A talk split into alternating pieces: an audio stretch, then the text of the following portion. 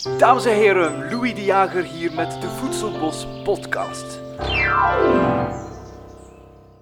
Dames en heren, welkom bij de podcast over voedselbossen en veel meer. En we hebben hier niemand minder dan Leen Gorissen bij ons. Dag Leen, welkom in de studio. Alles goed met jou? Ja, dag eh, Louis. Ja, ja, alles uh, heel goed. De lente komt eraan, dus dat is uh, mijn favoriete seizoen. Ja? ja? Maakt de lente jou gelukkig? Ja, ja, ja. ja. zeker na zo'n winter. Ja.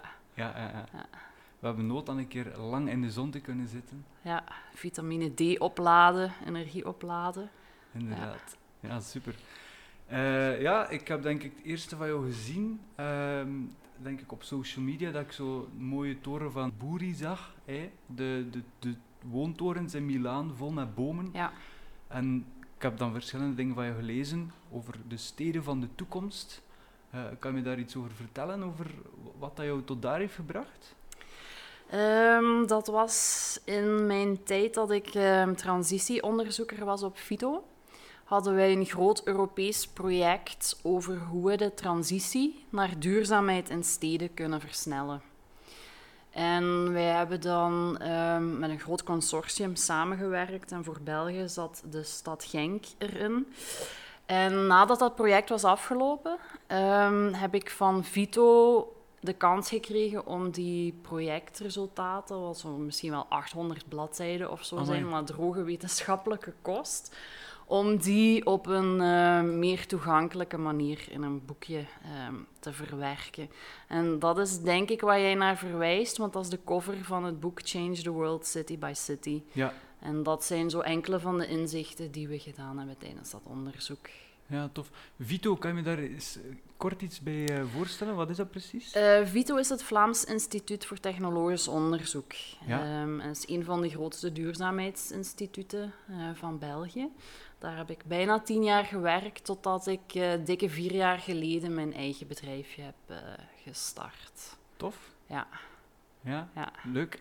En ja, dat klinkt zo tot de verbeelding sprekend. Eh? Changing the, the world city by city. Ja. Ja, ik wil er ook aan beginnen. Eh? De wereld veranderen, stad, bij, stad, sta, eh? stad stap na voor stad. stap. Ja. Uh, maar hoe ben je daaraan om de wereld te veranderen, zo stad per stad? Wat, uh, wel, als je naar de natuur kijkt, de natuur bouwt altijd van de bodem op. Dus uh, echt stap voor stap, bottom-up. Um, dus ja, hoe kun je dan de wereld veranderen? Door heel veel kleinschalige initiatieven in de stad te voeden, te verbinden en ze de ruimte te geven en de kans om, om uh, zowel in de diepte te groeien, zodanig dat ze betere dingen kunnen doen, in plaats van altijd dingen beter doen. Want dat is als mijn, mijn duurzaamheidsachtergrond, um, ben ik tot het besef gekomen van, eigenlijk zijn we nog altijd niet met de kern van de zaak bezig als het op duurzaamheid komt. We zitten nog ja. altijd vast in het managen van onduurzaamheid.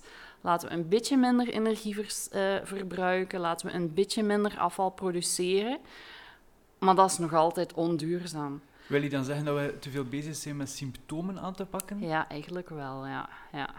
En dat, dat is eigenlijk ook waarom dat ik um, vier jaar geleden besloten heb om Vito te verlaten.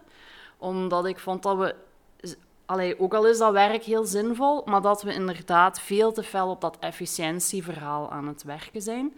En voor mij gaat het, naar, gaat het over essentie. Wat moet er veranderen? En wat we in dat groot onderzoek geleerd hebben, is dat er best wel veel actoren in de steden zijn die echt op zoek zijn naar die essentie. Ze zijn er misschien nog niet allemaal, maar ze zijn wel op zoek. En steden die hun uh, beleid zo kunnen organiseren dat het een, um, een, een positief stedelijk klimaat genereert, waar al die initiatieven kunnen groeien en bloeien dat gaan de steden van de toekomst worden. Hè. Ja, en best wat dat een stad dus kan doen, is identificeren waar er dus kleine leuke initiatieven zijn, die innovatief zijn, en die gaan ondersteunen. Zie je dat dan zo? Ja, de, het, het, is zelfs nog iets hoger op metaniveau. Hoe kan een stad de condities creëren zodanig dat die duurzame shift bottom-up in de stad kan gebeuren? Kan je daar een voorbeeld van geven? Want dat klinkt moeilijk. Ja, ehm, misschien moet ik het uitleggen aan de hand van een metafoor. Ja. Als, als je een plantje hebt en je wil Mhm. dat dat harder of sneller groeit. Hè? De klassieke manier is, we gaan er gaan trekken. Trekt gewoon, kom aan, groei harder. Gaat die plant harder groeien? Ik denk het niet. Hoe kun je een plant sneller doen groeien? Door de juiste condities te creëren. Ehm, een goede hoeveelheid nutriënten te voorzien, genoeg zonlicht, genoeg water en dan gaat dat plantje vanzelf eh, groeien. Dus dat is eigenlijk de shift. Hè. Heel veel steden zijn nu aan het sleuren en aan het trekken van oei, klimaat, we moeten iets doen. Maar te veel vanuit de technische insteek, hè, de technology fix. Is eerder hoe creëer jij de ideale condities, zodanig dat al die duurzame initiatieven die echt gaan over de essentie en niet puur over de efficiëntie van de dingen, dat die kunnen beginnen bloeien. Ja. Is het niet zo dat er in Gent eh, van die initiatieven zijn die, die toch de ruimte. Eh, Wel, ik denk in veel steden hè, eh, zie je dat er hier en daar echt wel heel prachtige initiatieven aan het opbloeien zijn. Ehm, maar op dit moment zijn die zo nog vrij ongecoördineerd en, en vrij ad hoc eh, en organisch.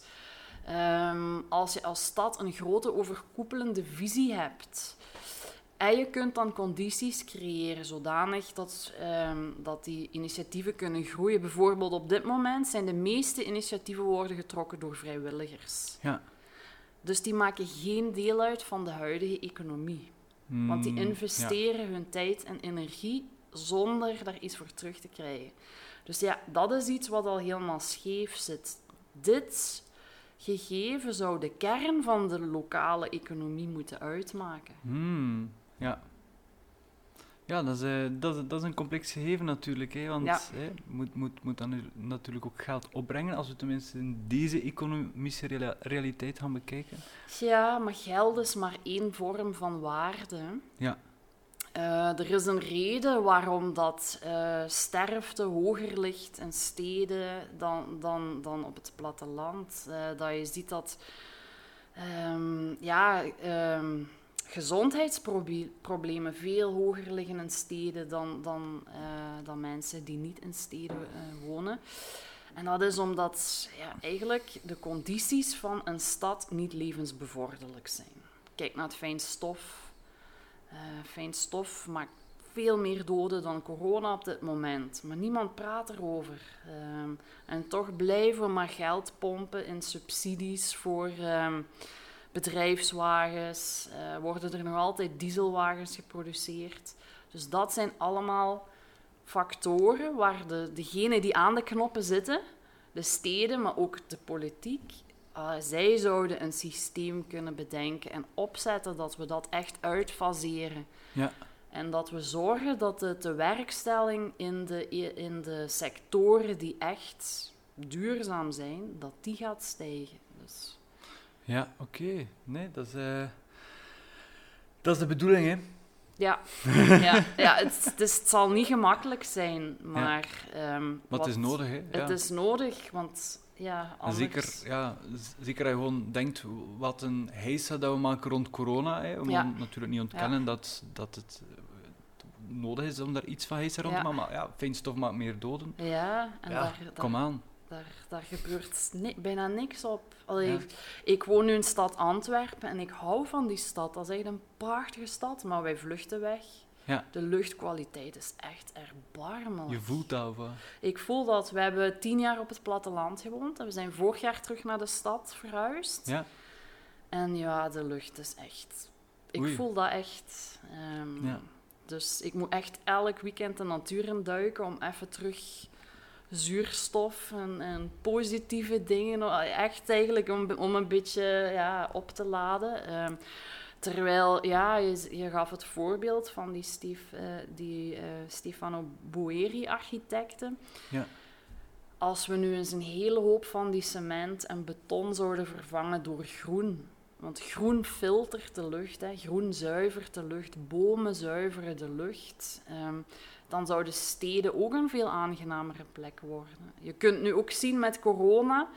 Eh, we mogen niets meer, we hebben alleen nog de natuur. En wat gebeurt er op een dag dat het heel mooi weer is? De parken worden overspoeld. Maar dat is omdat er gewoon veel te weinig groen is voor het aantal inwoners dat er is. Dat is nu duidelijk geworden. Hè? Dat is wel heel duidelijk geworden, ja. ja. En als ik het goed begrijp, je bent van uh, het propere lucht platteland nu in de stad gekomen. Ja, propere lucht hebben we in België niet, hè. nergens, zelfs niet op het platteland. Aan de zee misschien een beetje, hè? Maar ja. de scheepsmotoren ook. Hè? Ja. Zijn dat daar nog het mooiste is, hè, aan de zee? Van uh, kwaliteit? De luchtkwaliteit zal daarom dat er gewoon altijd veel meer wind is. Hè? Ja, dus het fijnstof wordt er sneller verspreid. Um, maar ik weet niet of het, is, of het daar beter is dan bijvoorbeeld echt midden in een bos. Want ah, ja. de bossen filteren ook perfect. Hè? En de bossen geven dan nog eens heel veel medicinale aroma's af, die ook uw immuniteit um, vers, uh, verstevigen, of hoe zeg je dat, uh, versterken. Kan je daar meer over vertellen, over die aroma's? Ja, dus um, vooral immergroene bomen zijn dat. Ja. Uh, die geven een stofje af en ja, in biologische termen noemen we dat fytonciden. Um, en dat zijn eigenlijk immunoversterkende um, stoffen. Dus als je die inademt, activeren die je immuunsysteem. En studies hebben zelfs kunnen aantonen dat als je drie uur in het weekend doorbrengt in het bos, Um, dat dat het aantal, um, ze noemen dat killer T-cellen van in je, je immuunsysteem, dat zijn de cellen die kankercellen eigenlijk um, uitschakelen. Ja. Dat dat, dus drie uur in een bos in een weekend is genoeg om die killer T-cellen te verhogen gedurende de hele week erna. Allee, dus als je gezond leven wil, dan moet je gewoon drie uur per week in een bos gaan doorbrengen. Ja. Allee, dat is, uh, dat is uh, iets dat ik in mijn agenda ga zetten, iedere ja. week. Of richt je tuinen zodanig dat het een mini-bosje wordt. Hè. Ja. Um, hoe meer, uh, wij hebben in de stad we hebben een hele grote boom langs ons terras gezet. Mm -hmm. um, en uh, ja, omdat, omdat ik weet dat de lucht slecht is, dus ik dacht, zet gewoon een fijne boom vlak aan ons terras, dat we altijd proper lucht hebben. Maar ja, dan heb je onmiddellijk buren die klagen van de blaren of ja, er hangen wel eens takken over, want je hebt natuurlijk maar een klein stukje tuin in de stad. Maar die boom is zo essentieel voor de gezondheid. En niet alleen voor die van ons, maar voor die van de biodiversiteit ook. Hè. Ja. Het geeft uh, een thuis aan heel veel insecten, aan vogels. Uh, het verkoelt, want steden zitten op dit moment met het hitte-eilandverschijnsel. Uh, dus als het warm is in de zomer, omdat er zoveel beton in steden is, warmen die steden veel harder op. Um, en hoe meer groen je voorziet, hoe meer dat verkoelende effect. Want door evaporatie uh, verdampen uh, bomen water, waardoor de, de temperatuur echt onder een boom soms tot wat is het, 5 graden koeler kan zijn dan als je niet onder de boom Dat maakt een groot verschil uit, hè? zeker in, in de zomer. Hè? Ja, mensen die zelf ten ondergaan aan de warmte. Ja, ja. Dat uh, ja. ook een pandemie aan het worden is. Hè? Ja, ja. in zekere zin. Ja. Dus dat is ook weer een manier om, uh, ja. om op een natuurlijke manier de stad te verlichten. Maar ik vind het wel leuk om te horen, is, je, je, komt van platteland, je bent nu in de stad, maar eigenlijk is jouw grote droom om in stad een even leefbaar uh, gevoel te hebben als op platteland. Ja. Dat is, klopt dat dat jouw droom is? Ja, zou dat niet tof zijn? Als je echt de positieve effecten van een bos kunt hebben in de stad. Ja. Dus je bent midden in de natuur en toch heb je alle cultuur en alle leuke plekken waar je naartoe kunt gaan en sociaal kunt zijn. Je zit kort bij alles. Uh, dat, dat zou voor mij de stad van de toekomst zijn. En als die er is, verhuis ik wel terug naar de stad uh, later. Voorlopig vluchten we weg uit de ja, stad. Ja, ja. Toen we zo'n beetje denken aan Tsjernobyl, hè, dat zijn ook heel veel gebouwen en dat, dat staat er nu vol met bomen. Hè. Dus het is eigenlijk naar zoiets dat we toe zouden moeten gaan, maar dan zonder nucleaire straling. Ja, liefst zonder de schadelijke gevolgen van de ramp. Uh, maar ja, stel je voor, er, als we de auto zouden kunnen verbannen uit de stad en al die straten, want eigenlijk is dat dode zone. Hè? Parkeerplaatsen, straten zijn puur dode zone vanuit een biologisch perspectief gezien. Als je die allemaal kunt bannen en je kunt zorgen dat hè, er is een klein deeltje verharding voor transport, hè, dat mensen ook wel toch nog wel ehm, meubels en zo tot, tot aan hun huis kunnen krijgen. Maar als je een groot deel van die verharding opbreekt en terug groen maakt, met bomen, met struiken, ehm, met bloemen, zodanig dat ook de bijen en de vogels en andere dieren ehm, terug een thuis kunnen vinden in de stad. Hoeveel, uh, hoeveel aangenamer zou het niet zijn? Veel mensen hebben moeite met verandering omdat ze bang zijn dat ze aan comfort gaan verliezen. Maar ik denk dat we heel veel comfort gaan winnen als we de steden zo kunnen veranderen naar de toekomst. En als de auto weggaat uit de steden, gaat het waarschijnlijk ook zijn dat er weer meer interessante commercies komen in de stad. Ook, ja. En dat je op die manier eigenlijk minder auto's zullen nodig hebben. Dat een soort uh, ja, ja, feedbackloop is. Ja, inderdaad. Aan de andere kant, ja, auto is wel super handig. Hè? Je rijdt tot, je, tot aan je voordeur, je moet niks doen. En ja, ik weet het niet. Wilt de mens dat afstand? Dat is, uh... Op het platteland, dat is zo'n beetje de rare paradox. Woonden we zo ver van alles dat we inderdaad de auto nodig hadden. En het leuke aan de stad is dat ik overal te voet naartoe kan. Dat is echt tof, hè? En, en eigenlijk gebruiken we die auto nu totaal niet meer, want we doen alles te voet. Behalve als we uit de stad willen, dan pakken we terug de auto.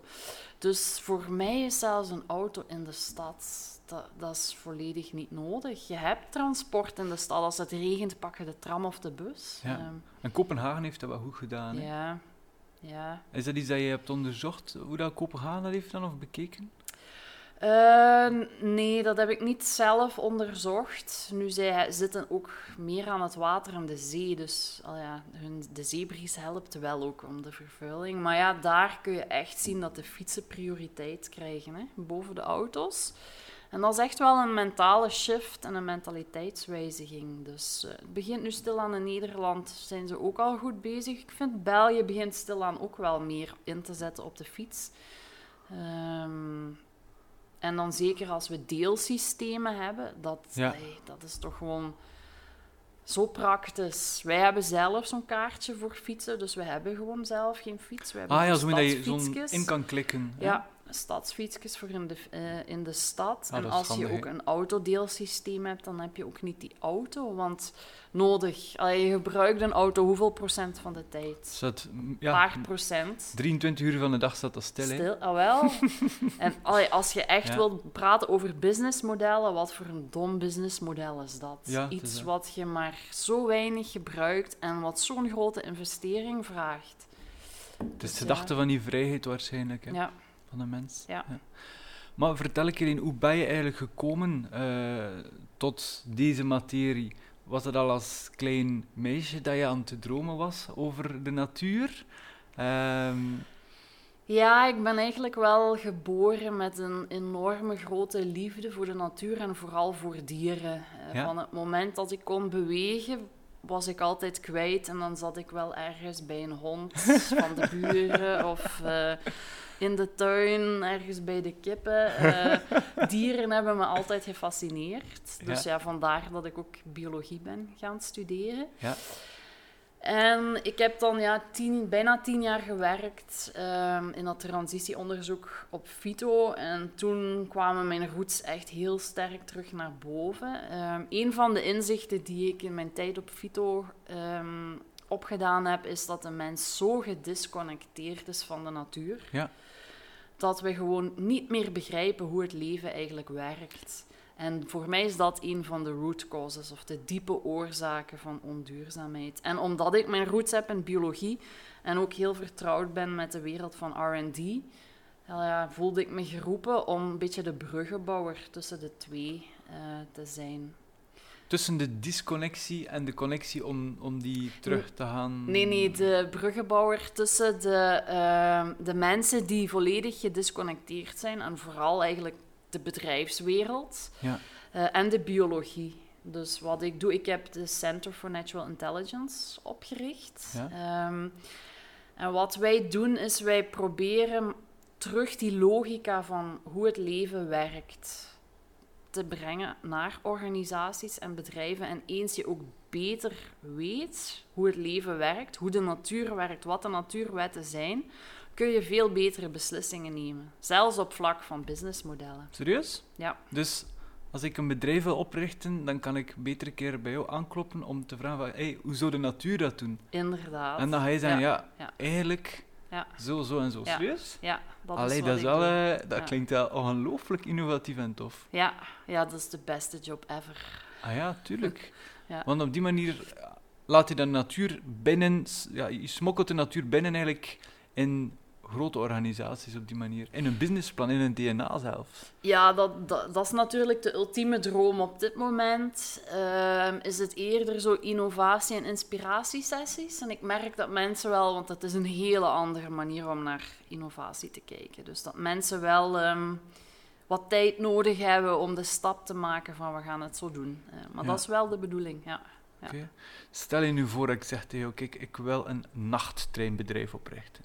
Hè? Een nachttrein die Brussel verbindt met andere Europese steden.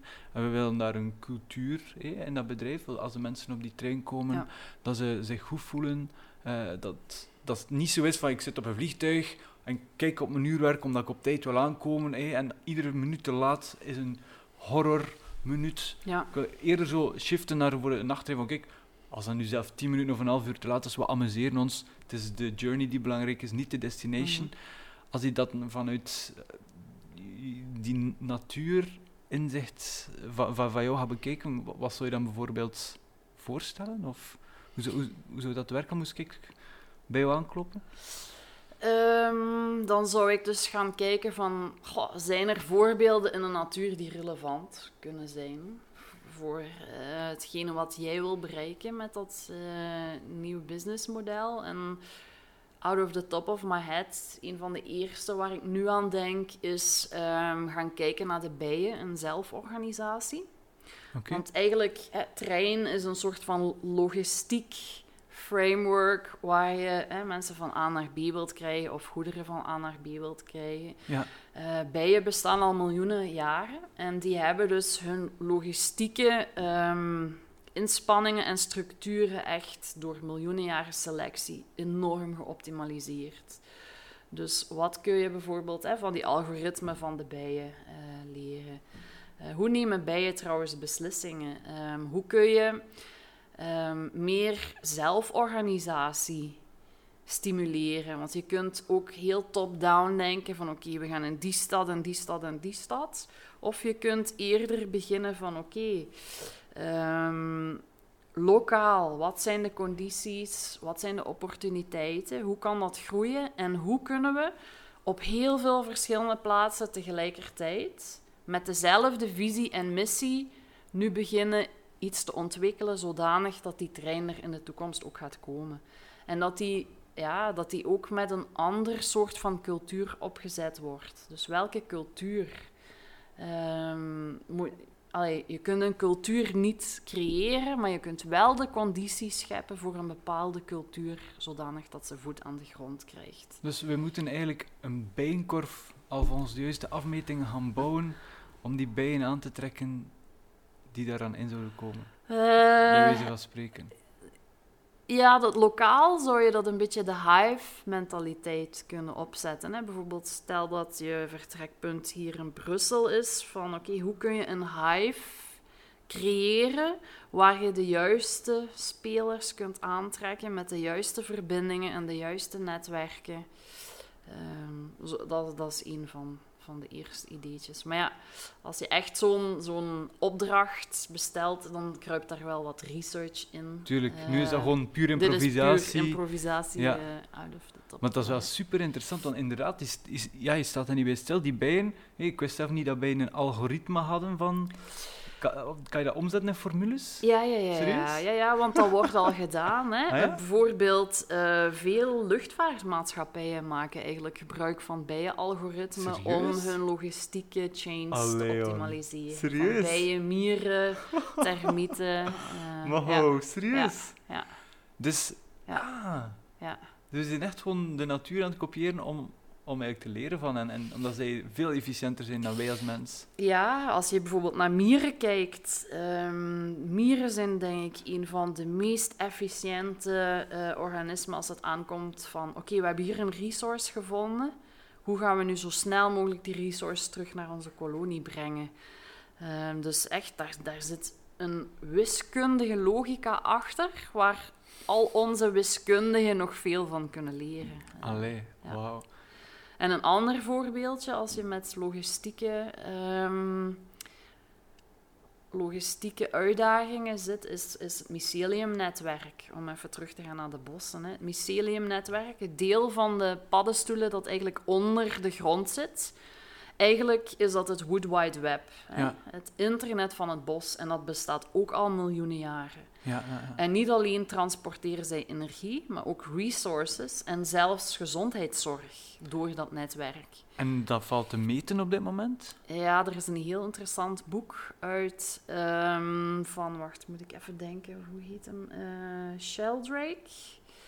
Ehm, ben even de naam van het boek kwijt. Maar het gaat, ehm, Entangled Life heet het. Eh, en hij geeft een heel mooi overzicht over al de laatste research, omdat de, de snelheid waarbinnen één myceliumnetwerk kan communiceren met andere delen van het myceliumnetwerk is zo ongelooflijk straf dat Serieus, onderzoekers nu aan het denken zijn dat myceliumnetwerken eigenlijk via elektriciteit communiceren. Amai. Ja. Een echt internet eigenlijk. Ja. Ja. Allee, jong. En Ja. dus gaan wij hun kennis van dat echt een netwerk kunnen kopiëren in onze internet of internet-alternatief-achtig iets. Ja, en zelfs in, in, in de treinen, hè? en hoe je de treinverbindingen maakt, en hoe, je, hoe we ehm, energie transporteren, Ja. hoe we grondstoffen transporteren. Ja. Amai, dus er, er is nog zoveel te ontdekken in de technologie. En we moeten het eigenlijk niet hier gaan zoeken. We moeten het in de bodem gaan zoeken of in de levende wezens die er al zijn. Ja, want nu je het over hier hebt, dit is de grootste barrière voor eh, de transitie naar duurzaamheid. Wat dat er in ons, ons kopje zit. verstand, ja, onze mindset. Eh, dat is ook wel iets wat ik geleerd heb door eh, tien jaar in transitieonderzoek te zitten. Ehm, wij zitten zo vastgeroest in bepaalde mentale modellen en wereldbeelden, ehm, waar we heel moeilijk uit kunnen ontsnappen. Maar wat we denken en hoe we denken bepaalt wat we creëren. Ja. Dus de grootste transitie zit in ons hoofd. Todo aquello pensamos será decisivo de nuestro futuro. Dat is zo'n zinnetje, hè, want alles wat dat we denken heeft een impact op onze onze toekomst. Ja, inderdaad. Dus ja. dat we iedere dag denken aan Ja, wat we opnieuw zien, ja. ja. dan blijven we dat maar Daardoor zitten we in heel veel van die zelfversterkende spiralen. Hè. Ehm, Ja. helaas wel. En het, ja, ik vind het nog altijd verbazingwekkend dat niet meer mensen dat doorhebben. Eh zelfs de hele duurzaamheidswereld, een groot deel zit vast Serieus? in, in dat soort van zelf... Ja, in het efficiëntiedenken. Eh, maar we moeten niet de dingen beter doen, we moeten betere dingen doen. Dat is iets helemaal anders. Dat is wel een fantastische uitspraak. Hè. We Ja. moeten niet dingen beter doen, we moeten betere dingen doen. Ja. Nee, daar, eh, daar kan ik echt wel helemaal in volgen. Ja. Je, hebt, je hebt ook eh eh, doctoraatstudies gedaan. Over wat ging dat precies? Ging het over R&D? Of, eh, Eh, nee, ik heb in de biologie gedoctoreerd, hè, op communicatie bij vogels. Eh, communicatie bij vogels? Ja.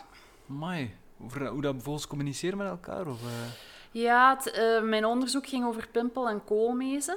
Ehm, vrij levende dieren, want ik ben niet zo'n fan van eh, studies in het labo. Ehm, Ja. En we, ja, ik heb verschillende dingen onderzocht. Hoe komt het? Hè? Vogels hebben een repertoire van verschillende melodietjes. Hoe komt het dat sommige vogels een groter repertoire hebben, andere een kleiner repertoire? Eh, wat zijn de factoren die dat beïnvloeden? Hoe beïnvloedt bijvoorbeeld zware metalenvervuiling eh, de zang van vogels? Dat zijn een aantal dingen die ik onderzocht heb. Als ik het zo hoor, dan heb je echt wel in je leven al enorm interessante onderwerpen gevonden om in te verdiepen. Hè? Eh, ja, ja, ja. dat klopt wel, ja. Ja. Ehm, dat is hier een podcast over voedselbossen. Ja. Ehm, je hebt op al jouw toffe avonturen en, en dingen die je onderzocht hebt, ook al, je, al in de voedselboswereld terechtgekomen? Ik heb er eh, zelf eentje half ontwikkeld, om het zo te zeggen. Allee, het is nog maar ik denk dat ik een dikke acht jaar geleden begonnen ben. Dus het is nog geen volwaardig voedselbos, want dat duurt natuurlijk langer. Ja. Uh, maar ik ben begonnen met een opleiding permacultuur. En in die opleiding had ik al heel snel het idee van, ja, ik wil vooral met vaste planten werken. Ja. En gewoon de natuur. Ik zou eigenlijk gewoon een, een zelfregulerend ecosysteem willen ontwerpen dat eetbaar is. Ja. En bomen zijn gewoon ja, fantastische eh, organismen. Dus, dus ja, ik heb heel wat bomen ook. Dus dat was eigenlijk ons, mijn eigen tuinproject. Ja. Ehm, toen wij ons huis kochten, dat zal zoiets van tien jaar geleden geweest zijn, was de tuin eigenlijk ja, één monocultuur van gras. Ja. zat geen leven in. Zelfs als wij zo'n heel diep gat spitten om een boom te planten, was er geen enkele pierling of, Oei. die je tegenkwam. Ja. En dus ben ik dat beginnen ehm, om te vormen aan de hand van de permacultuurprincipes. Maar ook met mijn, mijn achtergrond in de biologie en echt ook rewilding. Eh, principes. Ehm, en ja, de resultaten waren fenomenaal. Na zeven jaar hadden wij koninginnenpages, kolibrievlinders, de havik zat in de tuin, de eekhoorns renden door de tuin. Eh, al ja, ik heb Amai. ik heb meer dan 60 verschillende soorten dieren geteld in onze kleine tuin. In een van de meest verstedelijke bi- gebieden van Europa. Hè. Ja. Ehm, dus je Ja. kunt zien, eens je begint samen te werken met de tuin, gaat het herstel heel, heel snel. Ik heb wel geen, geen voedselbos, maar een voedselrandbos Ja. ontworpen. ehm, om zoveel mogelijk de energie van de zon te, Ja. te capteren. Ja, ja, ja, ik snap het. En eh, als je zo vertelt, ik heb principes van permacultuur en mijn eigen achtergrond gebruikt. Kan je zo eens een paar voorbeelden vertellen daaruit? Ehm, ja, je probeert opnieuw de condities te scheppen waarop dan de natuur zelf zich kan ontwikkelen tot een, een, een veerkrachtig ecosysteem ehm, dat ook heel biodiversiteitsrijk is en dat dan ook nog eens voedsel kan produceren. Dus ehm, ja, hoe doe je dat? Door bijvoorbeeld ehm, in de lokale natuur te duiken en te kijken van oké, welke soorten komen hier voor? Wat zijn eigenlijk de natuurlijke gildes? Welke soorten komen vaak voor met andere soorten dicht bij zich? En proberen die ehm, te, te imiteren op het stukje tuin dat wij hadden. Dus je hebt dus je eigen stukje tuin, je gaat rondom hé, in de natuur gaan kijken wat groeit er hier automatisch Ja. en wat kan je eruit gaan kopiëren. Is dat dan een beetje de potentieel natuurlijke vegetatie? Ja, het is eerder gaan zien van welke soorten doen het hier goed. En dan zie je één bepaalde soort en dan denk je, oh, maar in diezelfde soort zit er ook een die voedsel produceert. Dus ik ga die zetten. En ik zet die dan samen met enkele andere kruiden of planten, waarvan we weten dat die nuttige onderlinge relaties aangaan. eh. Oké, ben benieuwd om het een keer te zien. Hè? Ja, maar het is ondertussen verkocht, dus we wonen er zelf Ah. niet meer. Dat is ook al... eh, Nee. Ja, was moeilijk om dat los te laten, zoiets? Ja, de tuin wel. Het huis had ik helemaal geen problemen mee, maar de tuin, dat, dat deed wel zeer. Ja. Want ja, dat is, als je, een, je kunt een tuin inrichten als voedselbos eh, of als moestuin, zodat je ervan kunt eten. Maar je kunt een tuin ook echt inrichten als, als energie- en gezondheidsboost. Dus elke keer dat je in de tuin komt, krijg je dat weldadig effect van wat je ook hebt van bossen. En Ja. en ja dus mijn aanpak zat echt, was echt van alle, alle goede principes samenbrengen en zoveel. Dus er stonden ook heel veel medicinale planten en kruiden in die tuin. Ja. Eh, ja. Ja, heel veel mensen die zo starten met zo'n één ah, gazon, hè, zo'n biljartveld, een landingsbaan, weten echt niet hoe dat ze daaraan moeten beginnen. Hè. Dat is, is, ja, dat is een, een blanco blad hè, die naar je aan het staren is. Hoe, hoe ben jij daaraan? Dus als ik het goed begrijp, je hebt niet de natuur daarop willen zetten, je hebt eerst de condities gecreëerd, zodat de natuur komt. Eigenlijk een beetje zoals de steden dat je daarnet vertelde. Hè. Of, of Ja. we moeten niet... eh, efficiëntie, hè, we moeten niet eh, Ja. De dingen goed doen, we moeten goede dingen doen. Dat is eigenlijk hetzelfde wat je in de tuin hebt toegepast. Maar Ja, hoe start je daar Ja, nu mee? hoe- wel, ehm, een heel belangrijke die ik ook eh, in mijn opleidingen permacultuur geleerd heb, is van eh, lees het landschap, observeer. En dat is al een stap waarvan ik zie dat veel mensen die overslaan, die willen erin vliegen. zonder eerst heel goed te bestuderen wat, wat is dit landschap en wat kan dit landschap potentieel worden? Wat wil dit landschap eigenlijk worden? Hmm. Ehm, en dan ook echt goed te kijken naar, oké, wat zijn hier de condities die bepalen dat die tuin is gelijk die is. We zaten op hele arme zandgrond. Er was amper organische massa in de bodem. Dus ja, de eerste stap was van, we moeten de bodem verbeteren. Bovendien ehm, was het een bodem hier in België, zoals zoveel bodems, die heel erg te kamp heeft met uitdroging in de zomer. Ja. En dat zijn allemaal condities die je kunt meenemen eh, met de eerste stappen van het design. Dus het eerste wat wij gedaan hebben is uh, compost, biocompost toevoegen. Zodanig dat er wat meer organische massa is. Compost houdt ook veel beter het vocht vast. Ja. En dan zorgen dat die, al, die, die, dat die bodem altijd bedekt is. Dus Ja, ja, ja. ehm, veel lokale kruiden, zaadjes gaan oogsten in de herfst en Ah, inzaaien. Zelf gewoon eh, als je op wandeling bent, Ja, dingetjes Ja. gaan oogsten. Ah, dat is wel geestig. ja, en dan rond verspreiden. En als het er thuis hoort, slaat het aan. Als het er niet thuis hoort, slaat het niet aan. En zo laat je eigenlijk de natuur zelf beslissen wat het beste is op, op die plek. En ehm, om, om even terug te komen op de mindshifts. Er stonden dus echt amper planten op ons stuk, maar stond wel Amerikaanse vogelkers. Hmm, Wat ja. ehm, als een soort pestsoort beschouwd wordt. Ja, Ehm, dus ja, in het verleden hebben de, de natuurbewegingen soms zelfs Roundup gebruikt om er vanaf te geraken. nog altijd. Hè. En ge- echt, nog altijd, oh my god. Ik, eh, ik, ik, eh, mij werd er gedoseerd van ja, een klein beetje aanbrengen Oh. kan geen kwaad. Er worden nog altijd studenten krijgen dat van nog, nog altijd mee. Ja. Oh my god, ja, dat vind ik wel heel jammer. Want als je begint te bestuderen, wat is de rol van een vogelkers? Wel, een vogelkers is een pioniersplant. Pioniersplanten doen het goed op verstoorde en verarmde en eigenlijk zieke bodems.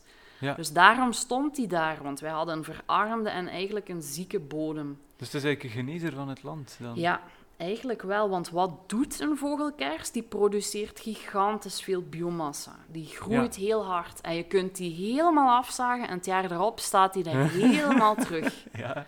Maar dat is net een troef voor je landschap, want wat heeft onze bodem tekort? Organische stof. Ja. Dus in plaats van die vogelkersen uit te roeien, gebruik je de functie waarvoor ze dienen.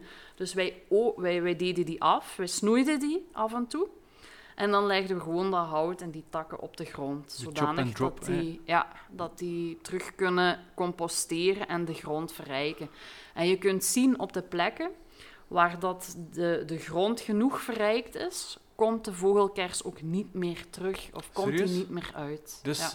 dat is alweer, we moeten niet de symptomen gaan aanpakken, maar Nee, we moeten de oorzaak. Dus een keer dat je bodem gezond is, dan heb je gewoon geen vogelkers meer. nee, inderdaad. En dus leer werken met de natuur. Eigenlijk is de vogelkers al de oplossing die de natuur daar zelf gebracht heeft. Want eh, het probleem is dat de bodem daar eh, heel verarmd is. Ja. Eh, dus leer samenwerken met de natuur. En dat, dat vereist dat je ook echt het landschap leest en dat je je ook verdiept in welke functies elke plant heeft, waarvoor Ja. dient die plant. Ja. Ja, het probleem is natuurlijk een beetje, vanuit Europa worden, worden wij bepaalde natuurtypes opgelegd. En soms willen we net die arme gronden hebben. En de natuur wil rijk worden, hè? wil Ja. net rijker Ja. grond.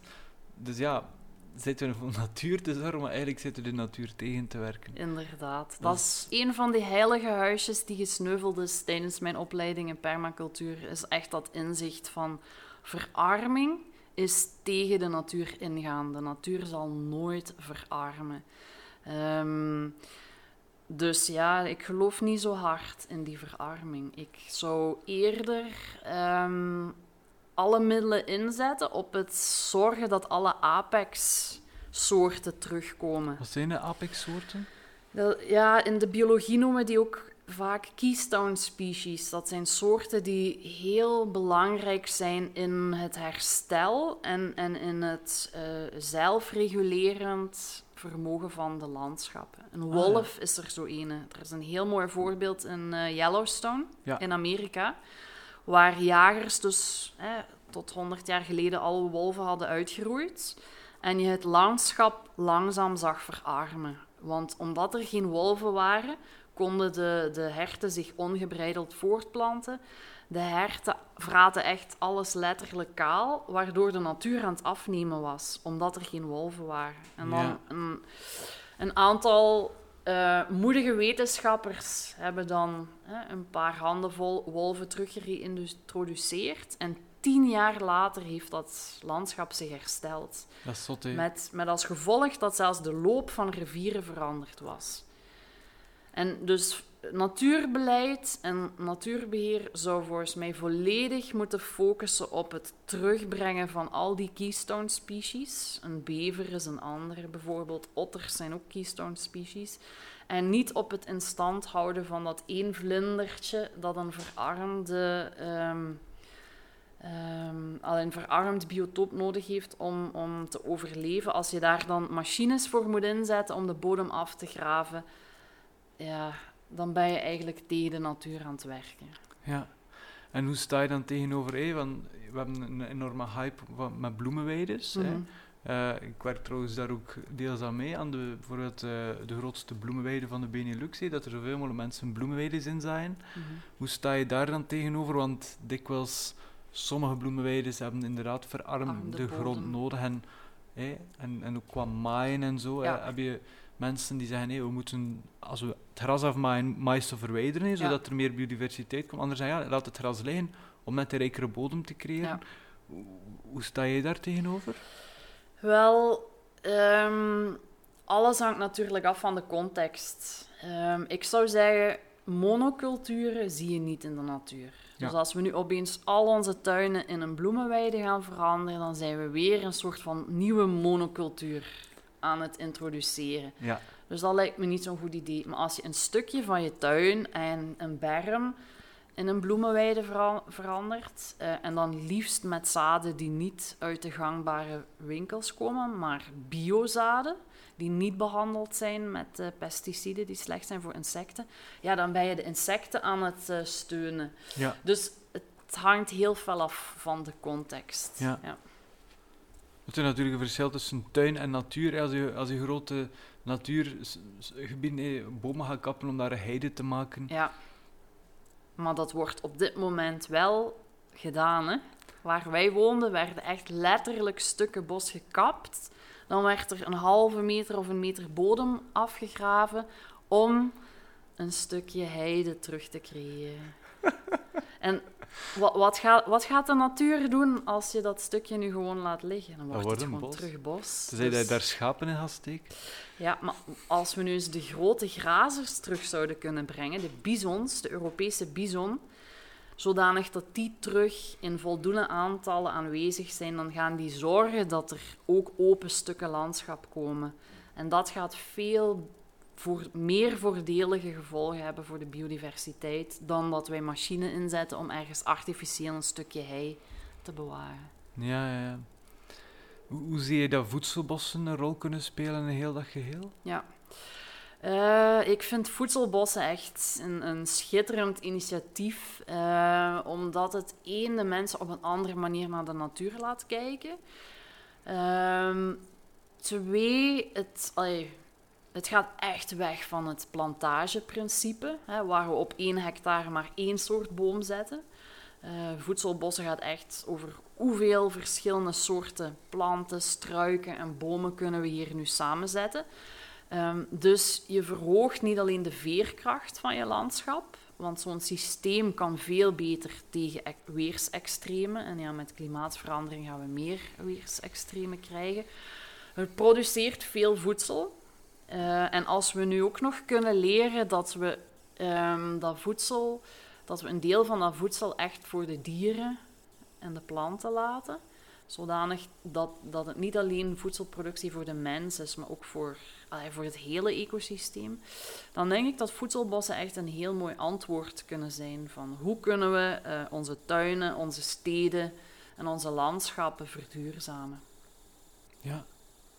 En ja, voedselbossen kan je gebruiken als ja, verschillende functies. Je kan echt puur als landbouwproductie gebruiken. Ja. Je kan gebruiken als natuur met een voornamelijk educatieve functie, recreatieve Ja. functie, van erin te gaan spelen of fun hebben, eh, of, of iets daartussen. Ehm, zie je dat, dat denk, heb je het gevoel dat we in de landbouw da- daar een, een deel van ons areaal kunnen naartoe veranderen? Naar voedselbossen?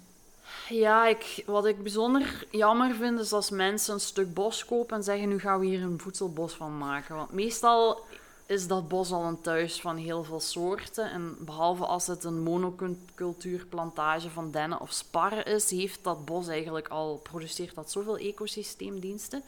Dus de grootste opportuniteit zit volgens mij in het landbouwareaal. Kunnen we die monoculturen van maïs en, en tarwe en, en alle andere eh, producten, eh, waar we echt gigantisch veel energie in moeten steken om het te produceren, waar we heel veel pesticiden voor gebruiken, gebruiken, kunnen we dat omvormen tot een soort van voedselbos, zodanig dat we jaarlang voedselproductie hebben, lokaal, en alle ecosysteemdiensten die bossen produceren. Het, het zuiveren van de lucht, het filteren van het water, ehm, het ondersteunen van de biodiversiteit, eh, het produceren van medicinale eh, aroma's, zodanig dat de mensen die erin werken, die worden gezonder. En niet zieker, zoals nu met heel veel landbouwers eh, het geval is. Dat is wel waar, ja. Ja.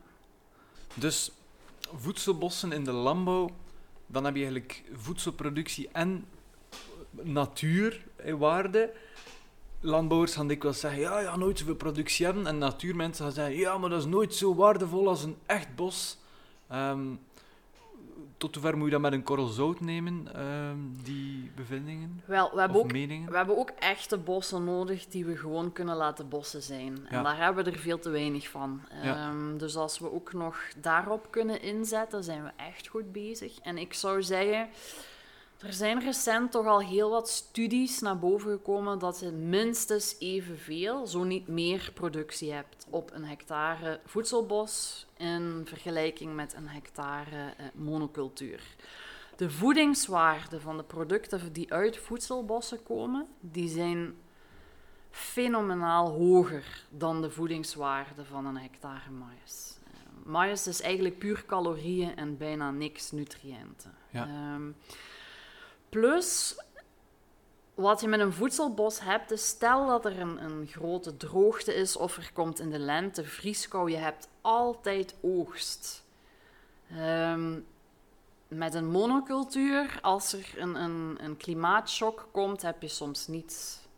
Ja. Ehm, dus ook voor gewoon de veerkracht van onze eh, maatschappij is het gewoon veel beter om, om in te zetten op meer veerkrachtige systemen.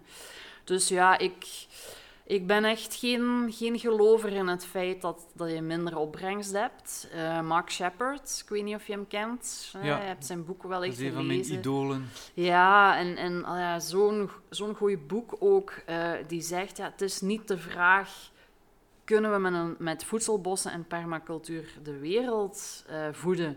De vraag is, we kunnen de wereld niet voeden met de monocultuur landbouw die we nu hebben.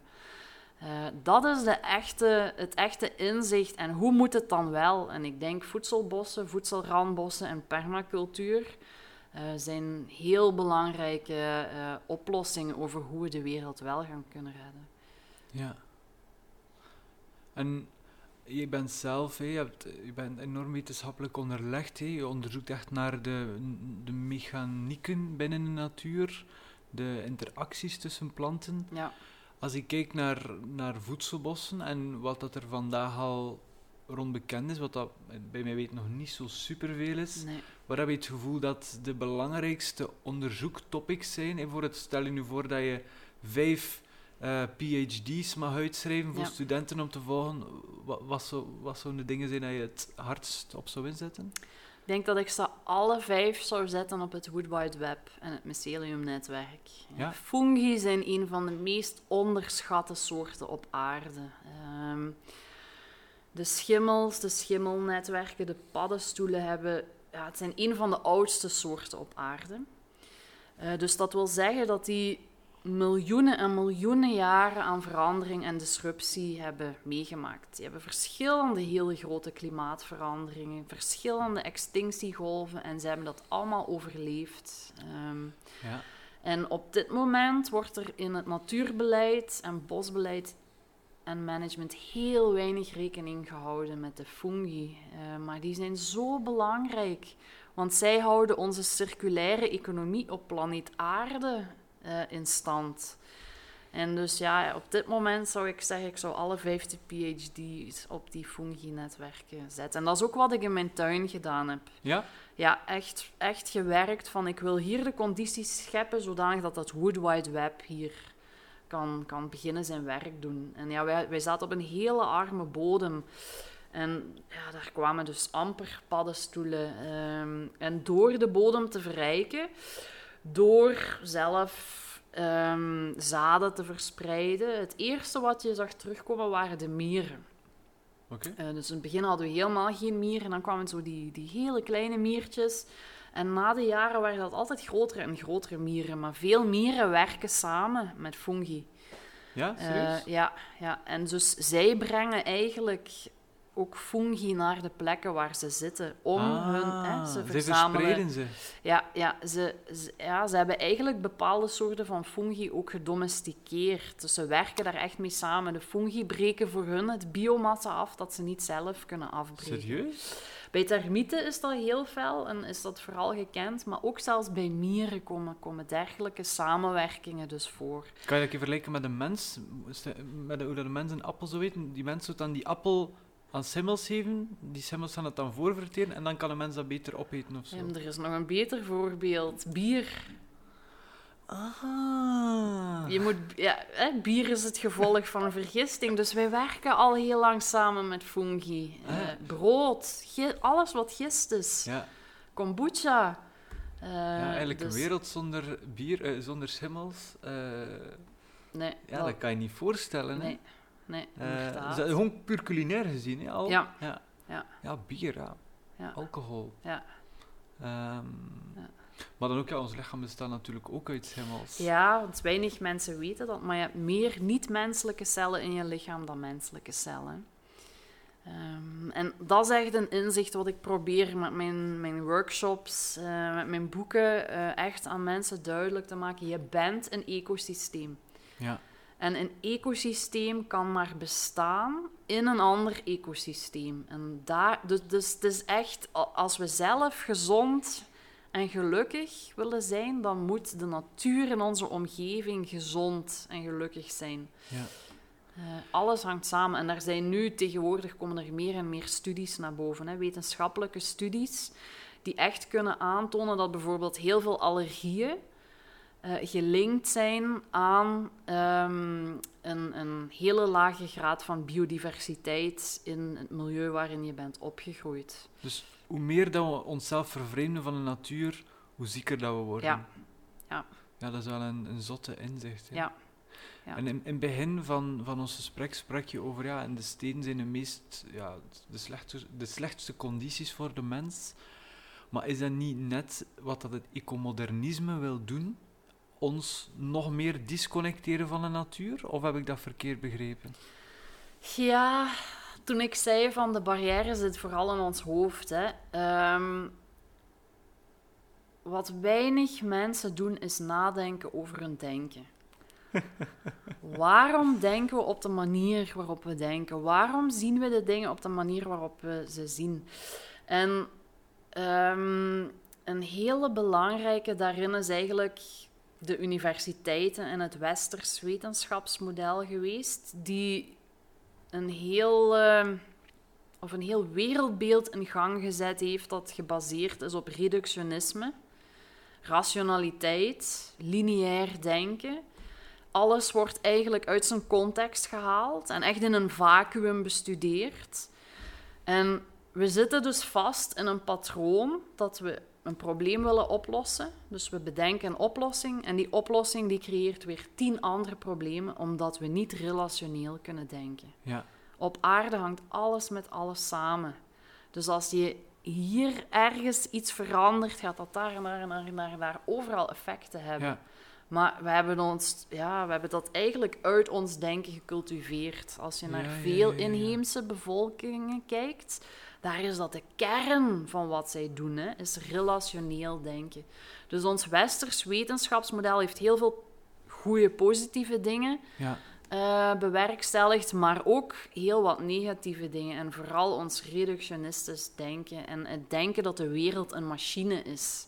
Maar de Hmm, wereld is een levend systeem. ja. En dan tegelijkertijd nog eens met de hele religieuze eh, revolutie die er geweest zijn.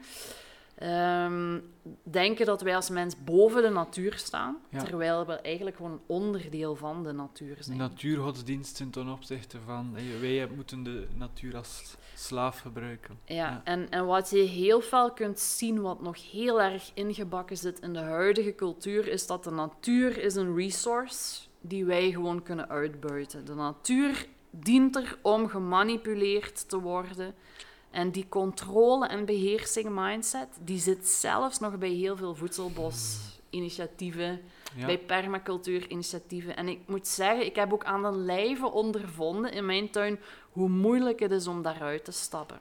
Maar hoe doe je dat dan? Want, hey, stel je nu voor, hey, ik ben een boer op 2 hectare, ik wil hier een voedselbos op hebben om voedsel te produceren, om daar eerst en vooral zelf mezelf mee te voeden, maar ook om de surplus te verkopen en Ja. daar mijn boterham mee te verdienen. Dus als mens heb je een soort druk op je. Eerst en vooral, ja, bomen aanplanten kost redelijk wat geld. ehm, om die investering te doen, ook veel energie om dat daar te gaan zetten. Ja, als mens, je bent bang van als me dat niet lukt, ga ik gewoon geen eten hebben op het einde van de rit. Eh, is dat dan een vorm van ja, vertrouwen? Eh, of, of met genoeg kennis en kunnen eraan beginnen? Iets van beide? Ja, het, het gaat niet alleen om dat voedselbos, maar we, we, zijn- we moeten tegelijkertijd hele nieuwe businessmodellen ehm, bedenken. Want met, zelfs als je nu een goed functionerend business, ehm, voedselbos hebt, Ja. is het nog heel moeilijk om in de huidige economie, die ontworpen is om met monoculturen om te gaan. Dus heel veel opbrengst, één keer per jaar. Daarop is ons heel systeem ontworpen. Een voedselbos heeft heel veel opbrengst, maar door, door het hele jaar van 80 verschillende producten. Dus eh, tegelijkertijd met, met een andere manier van het managen van het land gaat, de, gaat een boer ook een heel nieuw ehm, businessmodel moeten bedenken. Dus dat is eigenlijk de grote uitdaging eh, die er zit. Ja. Ja, dat is, eh, ja, dat, dat, dat is inderdaad niet niks. Ja, 80 verschillende producten, of zelfs er maar 10. Ja, begint dat een keer te vermarkten. Hè. Ja. Eh, Ja. En vandaar ja, dat de, de lokale economie eigenlijk de focus zou moeten zijn. Hè. Eh, zet voedselcoöperatieven op. Ehm, rechtstreeks van de boer naar de klant. Niet meer met al die tussenschakels. Ehm, en je ziet, het begint steeds meer op te komen. Ja, ja, ja. Eh, maar ja, als je een, een, een boer bent, het is inderdaad niet zo evident om die stap te maken. Ik zou zeggen, als je meerdere hectaren hebt, begin met één hectare of twee hectare en breid het gradueel uit. Ja. Eh, Ja, inderdaad. En eh, ja, dat is, dat, is, dat is nu voedselbossen op het platteland. Hè. Je bent nu naar een stad verhuisd. Kun je die voedselbossen mee verhuizen naar steden? Denk je dat dat mogelijk is? als we er ruimte voor maken, waarom niet?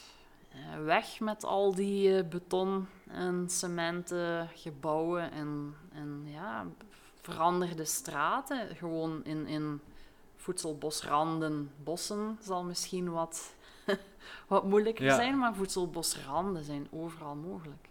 Ja, ik denk bijvoorbeeld dan, hé, je spreekt over Antwerpen, over steden waar dat er gewoon één strook parking is. Ja. Zelf al halveer je die, dat, we gaan de Ja. auto dan Ja. niet 100% buiten shotten om toch niet te veel boel te maken. Eh, zelf dan zou het in principe toch mogelijk zijn om daar al eens twee rijen te zetten met... eh, Ja. Maar twee rijen gaat niet genoeg zijn. hè? Nee, dat is waar. ja.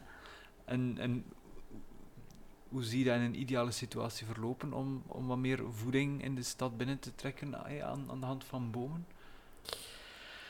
Eh, ja, ik heb echt wel het gevoel dat het begint te leven in de stad. Want er, je ziet steeds meer initiatieven van lokaal geproduceerd, eh, biologisch, eh oppoppen.